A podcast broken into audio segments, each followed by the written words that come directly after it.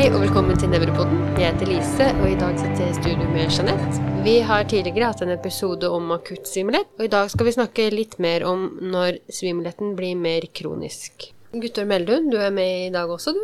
Ja, hei, hei.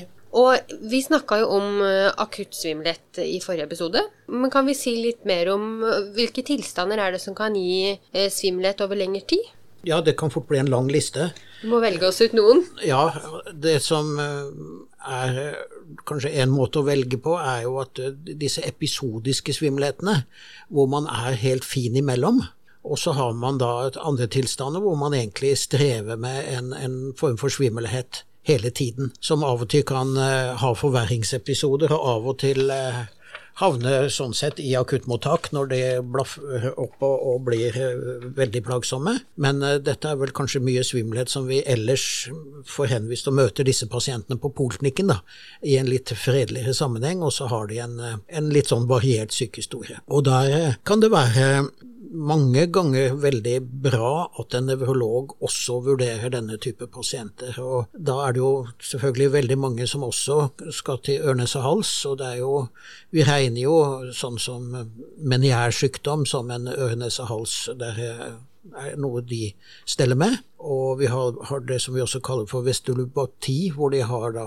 en uh, ensidig eller bilateral uh, skade i vestibulærapparatet sitt, og, uh, kanskje har oscillopsi og er ustøe, men at det da ikke er den ustøheten som vi finner med en sensorisk ataksi sånn tydelig sånn, men at det skyldes da noe i innhøret. Så ofte så må vi samarbeide, kanskje helst med ørnes og hals, men av og til også med øyelegene hvis vi finner noe øyepatologi som de skal se på. Og særlig er det jo hvis dette har vart over mange år, så kan det jo være at vi vi, vi, begynner å stille diagnoser som kanskje ikke er så veldig vanlige, men, men eh, f.eks. en mitokondriesykdom kan jo debutere som en vestibulær nevritt, og så kan de ha flere sånne som vi oppfatter som godarta, og kanskje er det det også, ikke har noe med det å gjøre, men, men eh, man må liksom tenke litt videre.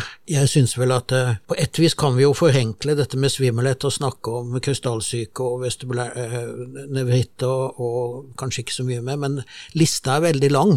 Sånn at eh, det er vel kanskje viktig at folk veit at uh, av og til så må vi grave dypt og tenke mye uh, før vi lander dette her. Men av de sykdommene som er ellers, så, så, er det jo en Ja, du har jo dette med vestibulær migrene, og der det er det for så vidt mye å si om, eh, om, den diagnosen. Det som er å si, er jo at vi har jo ingen Altså, vi har ikke noen undersøkelse som, som er av type sånn ja, det er det. Vi har symptomer og tegn som er det. Vi, vi liksom bare må vurdere ut ifra anamnesen, og det er jo veldig variert. Altså hvis du, hvis du, går ut i verden, så vil noen land så vil de si at uh, vestibulær migrene er underdiagnostisert, og det er veldig mange. Og går du til andre land, så sier de at uh, nei, nei, nei, det vestibulær migrene fins ikke. Uh, sånn at her må man vel kanskje tenke seg litt om.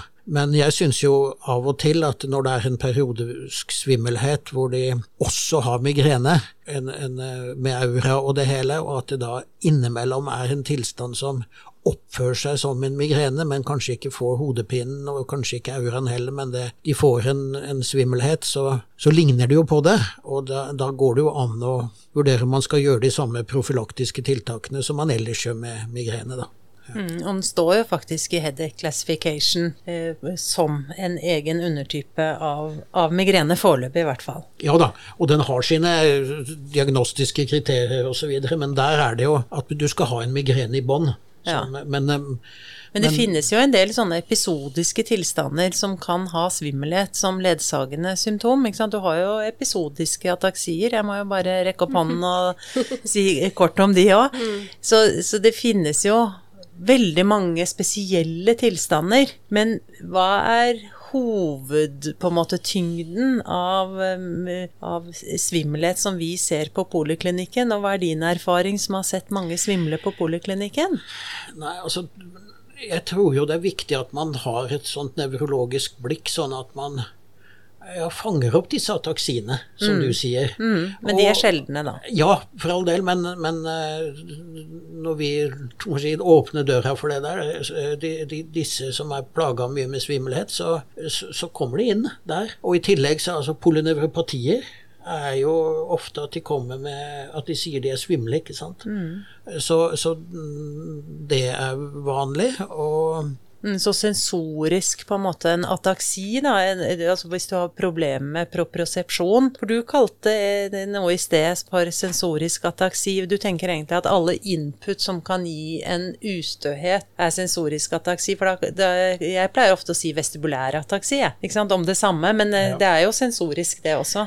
Ja, det, ja, det tenker jeg, da. Mm. At det kan være noe med progresjon i, mm. i knær. Og, og, det trenger nødvendigvis ikke være sånn at det er eh, en skade. Det kan også være at eh, f.eks. hvis du har smerte i nakken, da, så kan det være med på å gjøre at den inputen blir dårlig tatt imot. Og så får du en balanseforstyrrelse mye ut ifra at du har det. Og jeg syns vel også det begrepet med sånn servikal svimmelhet er litt sånn bob-bob, da. Mm. Som, eh, som, kanskje skyldes nettopp det jeg sa, men kanskje ikke er en egen type svimmelhet pga. sensorer i nakken som, eh, som gir svimmelhet. Da. Men det er jo det som av og til er problematisk, at når du beveger hodet, så hva er det som utløser det? Er det, er det bevegelsene i vestibulærapparatet, eller er det at, du, at det er nakkemusklene? Altså det er av og til litt vanskelig å kunne finne ut ting, da. Mm. Men fysioterapeuter de behandler jo ofte eh, spenningshodepiner og, og, nakkeplager og svimmelhet. Altså, de finner jo noe, og det, det kan jo være et godt poeng å begynne i en ende og se hva som er igjen når du har gjort noe med det. En litt mer sjeldenfull, eller som jeg har lest om, men aldri sett, er det langgangssyndrom. Har du sett det? Ja da. Altså dette, dette som heter mal de debarquement. Ja, jeg har vel hatt det selv òg, jeg. Ja, altså, hvis du er, ja, ja, men jeg, jeg har hatt så mye. Men altså, hvis du er på sjøen en stund, og så kommer, eh, kommer i land, er det ikke det det er da? Men det skal vare litt lenger? Ja, det varer jo ofte noen Det kan vare nesten noen døgn på meg. At jeg føler meg litt sånn uh, mm. uh, ikke, Ja, litt i ubalanse, da. At jeg føler at jeg gynger. Eh, men hvor lenge For det er vel noen er Kan du ha det over uker? Eller liksom, ja, det, hvor lenge kan man ha det? Ja, altså, noen kan jo ha det i måneder.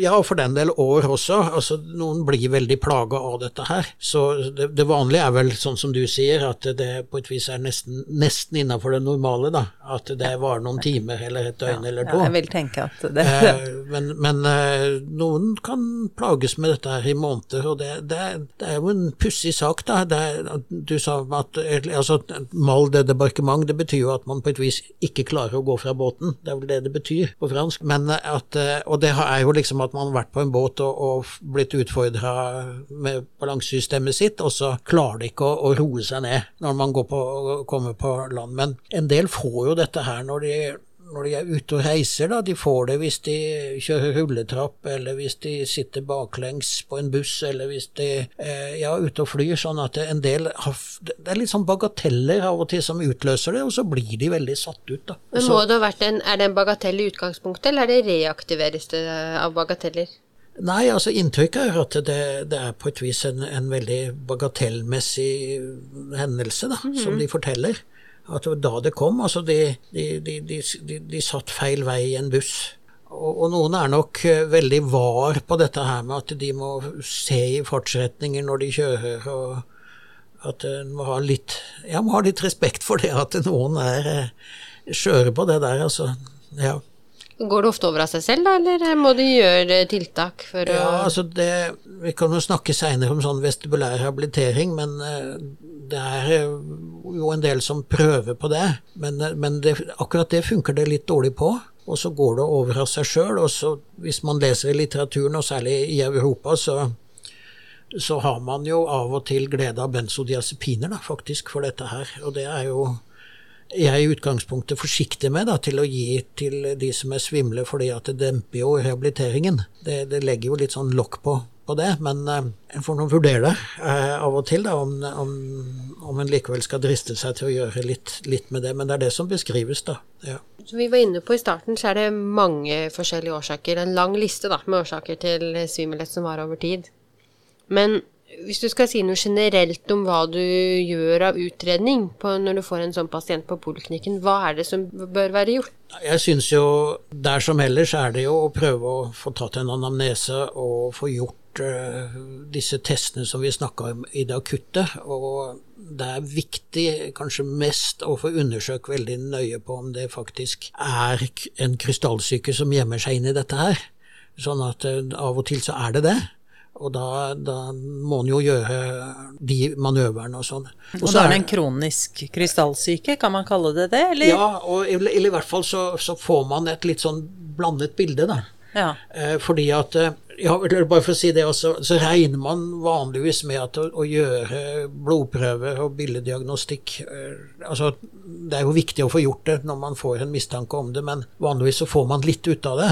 Men det er klart at har du en eh, Har du lav blodprosent, har du Ikke sant? Altså, Schwanon. Ja, ja, ikke sant. Så, så, så, det er jo noe med å få gjort de tingene, at det, det er liksom sjekka ut, da. Ja, altså svulster i, eh, som affiserer likevektsorganene eh, er viktig. Og så gjøre disse testene som vi snakket om i forrige episode. Jeg bare repeterer. Ja. Hodeimpulstest, eh, nystagmus, sjekke for det, og også skew deviation. Også en grundig nevrologisk undersøkelse, da, så vi fanger opp på en måte ja. Også, også en, en, adekvat sånn blodstatus i forhold til Og det er liksom det. Også Spinalpunksjon, da? Får hun ut av det?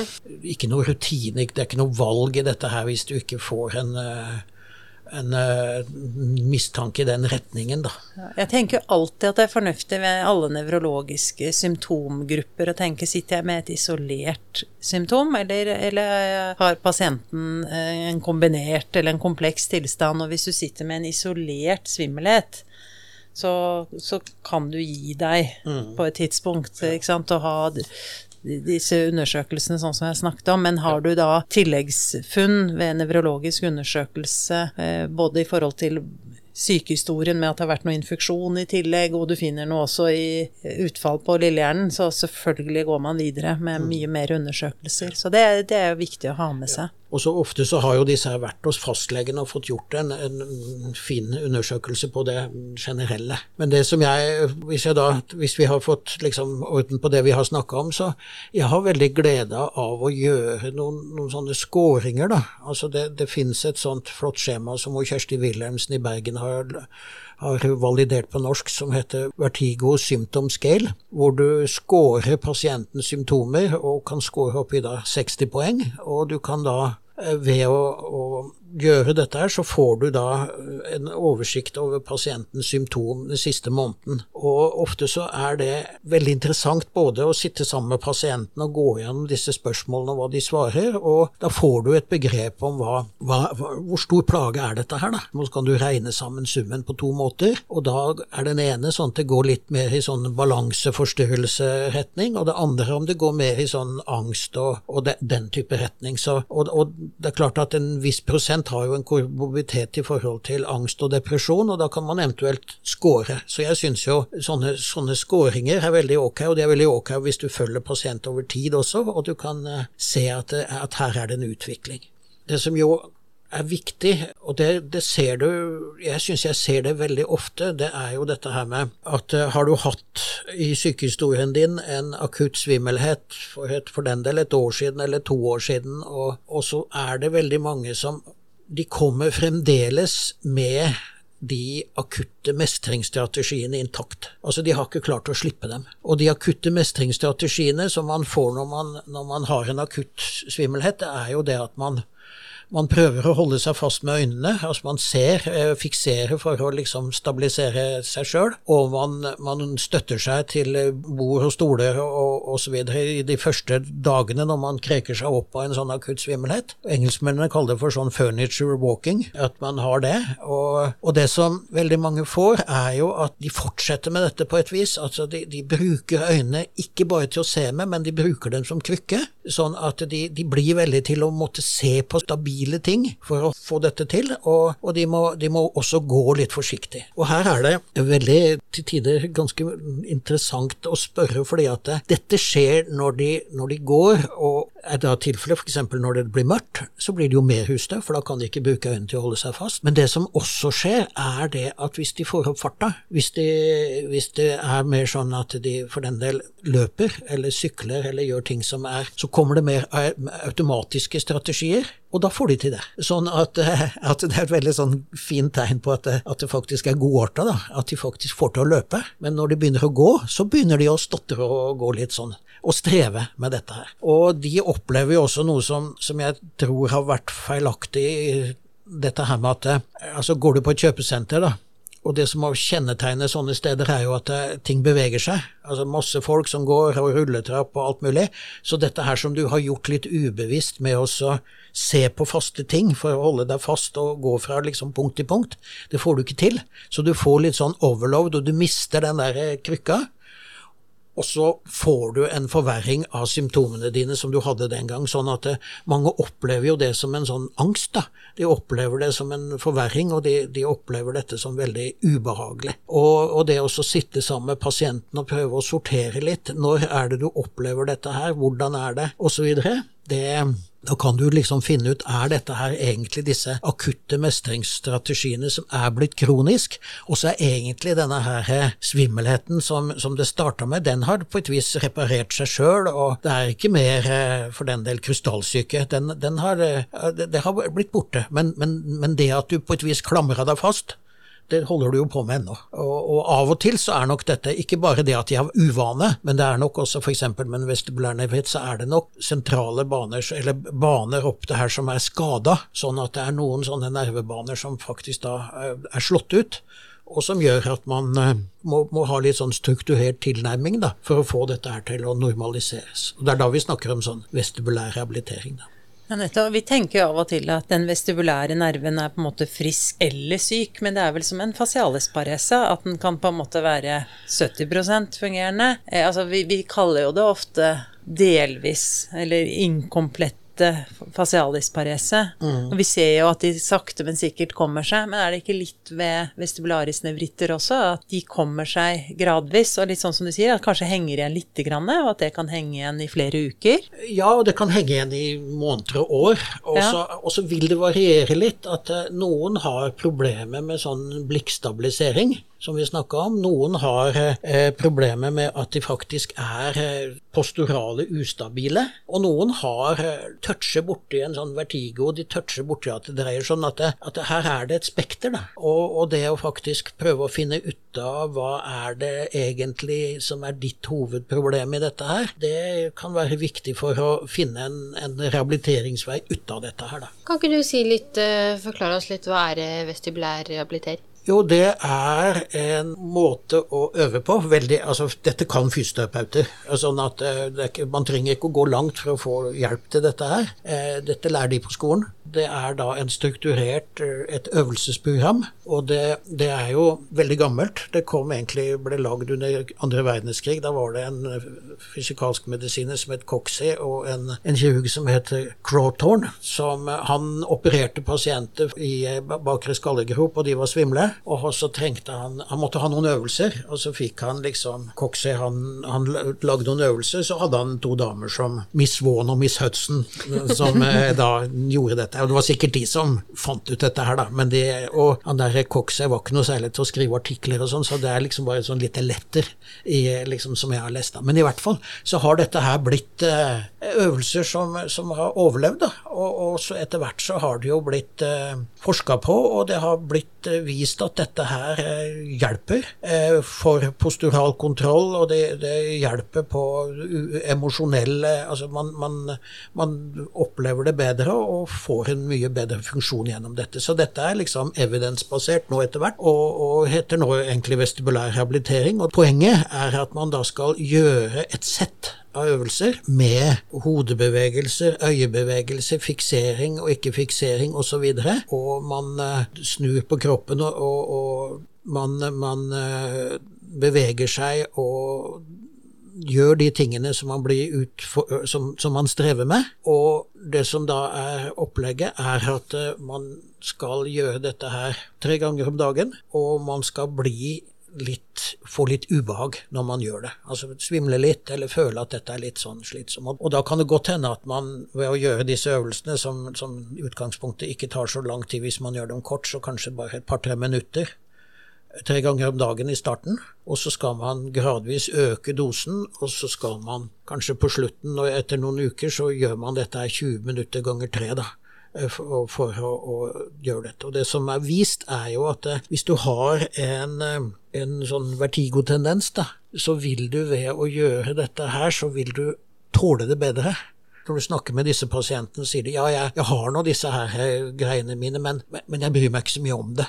Altså, de tåler det bedre. Og så er det nok også sånn at disse nervebanene som har blitt skada, at du får gått opp disse løypene igjen, da. Så det de gjør egentlig, er å provosere nervus vestibularis. Altså den skal stimuleres eh, på, på, en systematisk måte. Så noen av øvelsene går jo å gå på en vei, og så se mot høyre, se mot venstre. Noen ganger bare med øynene, er det ikke sånn? Og noen ganger også med hodet. Sånn at du stimulerer egentlig refleksbuene. Ja. ja.